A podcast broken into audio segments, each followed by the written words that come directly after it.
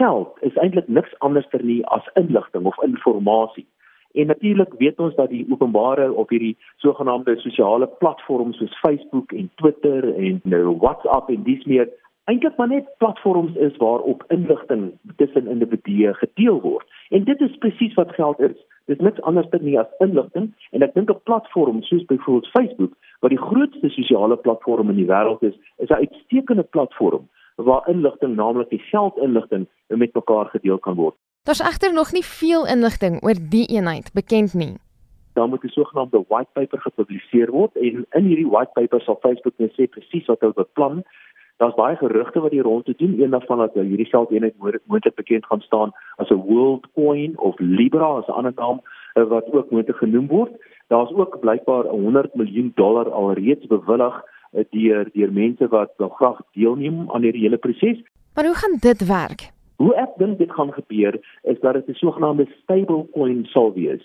En 'n stablecoin beteken maar net eenvoudig baie soos die destydse goudstandaard wat ons gehad het, as jy een van hierdie coins koop, sê nou maar 1 Libra, dan word die Libra waarskynlik geondersteun deur 1 Amerikaanse dollar. So jy kan altyd jou Libra gaan omruil vir 'n Amerikaanse dollar wat dan die geldeenheid baie minder wisselvallig behoort te maak.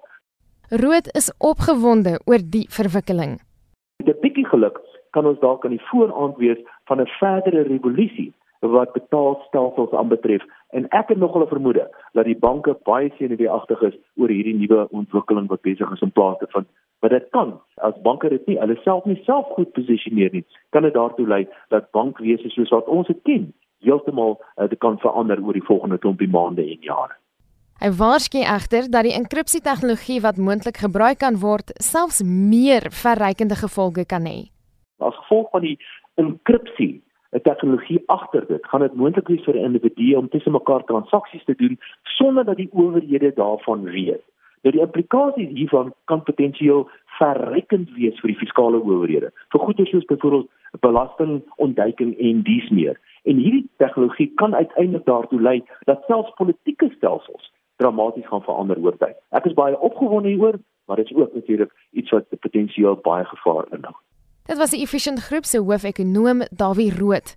Hy waarsku verder dat jy baie versigtig met die kripto-eenheid te werk moet gaan, veral as jy nog nie goed daaroor opgelees het nie. Ons hou die verwikkelinge dop. Ek's Marlene Forsie vir SAK nuus.